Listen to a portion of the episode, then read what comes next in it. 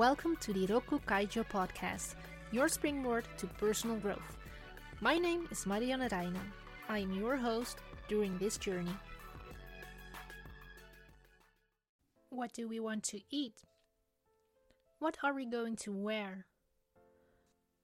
How to handle a conflict at work? Research shows that on average we make about 35,000 decisions a day.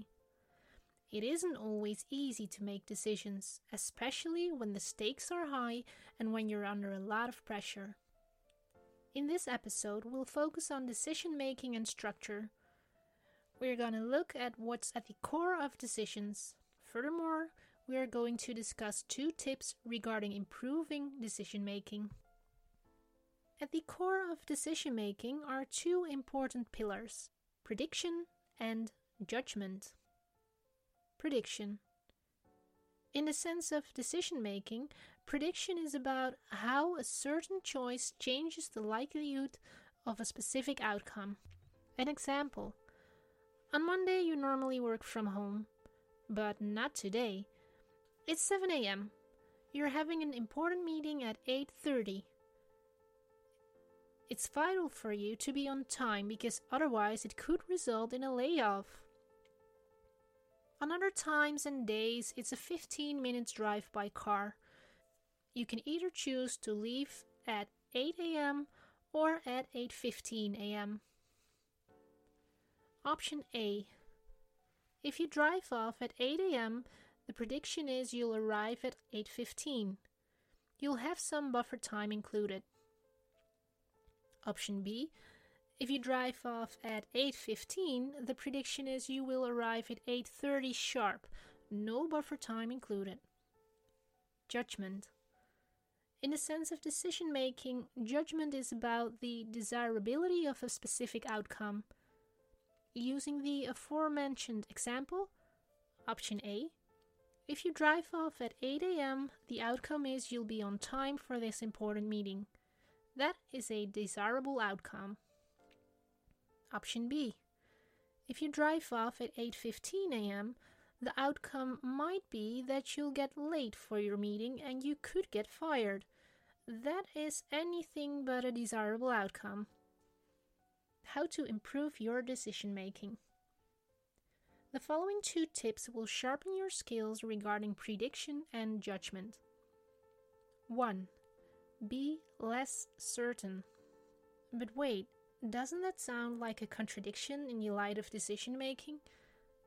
Actually, one of the most disrupting factors while making decisions is overconfidence. We might rely on routine and experience, suggesting that doing things way X will always lead to outcome Z. But did you take variable factor Y, a specific circumstance, into account? Back to our example. Let's assume it's 7 a.m. Normally, it's a 15 minutes drive by car. Instead of making a decision on when to leave, you decide to check out the navigation system first, so you'll know if there are any roadblocks. 2. Ask how often does that typically happen? Compare similar situations to your situation. You might look into history to check whether something has been the case and how many times.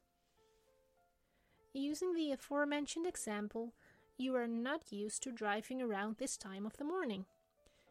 And you have heard friends complain the other day about detours. Based on being less certain and the experience of your friends, you decide to check out your navigation system. And guess what? It will take you around 25 minutes to arrive at your destination. You decide to leave at 8 a.m. Great choice. Rokku Kaijo's weekly tip. This week's exercise stop, think, decide. Before making a decision, stop for a second. Think by predicting a certain outcome, eliminating your overconfidence, and comparing to similar situations. Then judge the desirability of that outcome and decide. Today marks the end of the series on structure. and also the end of this season of the Rokku Kaijo podcast. Season 2 will be launched at the 15th of December 2022. I'm looking forward to serving you then. Thanks for listening to the Rokku Kaijo podcast. More information and the latest news can be found on the website rokku-kaijo.com.